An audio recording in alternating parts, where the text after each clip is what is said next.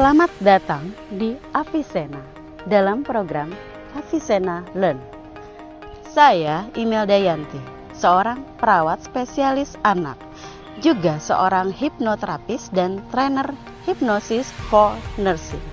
Nyeri adalah keluhan yang paling banyak dialami oleh setiap pasien yang dirawat, khususnya pasien palliative care. Bebas dari nyeri adalah hak asasi manusia. Oleh sebab itu, kita sebagai perawat wajib memberikan asuhan keperawatan nyeri yang sangat efektif sehingga setiap pasien kita bebas nyeri. Di sini saya akan membahas tentang aplikasi hipnosis untuk mengontrol nyeri pada pasien paliatif.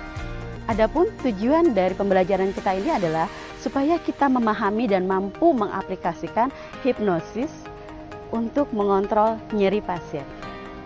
Nanti materi yang akan kita pelajari adalah pertama konsep nyeri, yang kedua tata laksana nyeri non farmakologi, dan yang ketiga adalah aplikasi hipnosis untuk mengontrol nyeri. Selamat menyaksikan, sampai jumpa.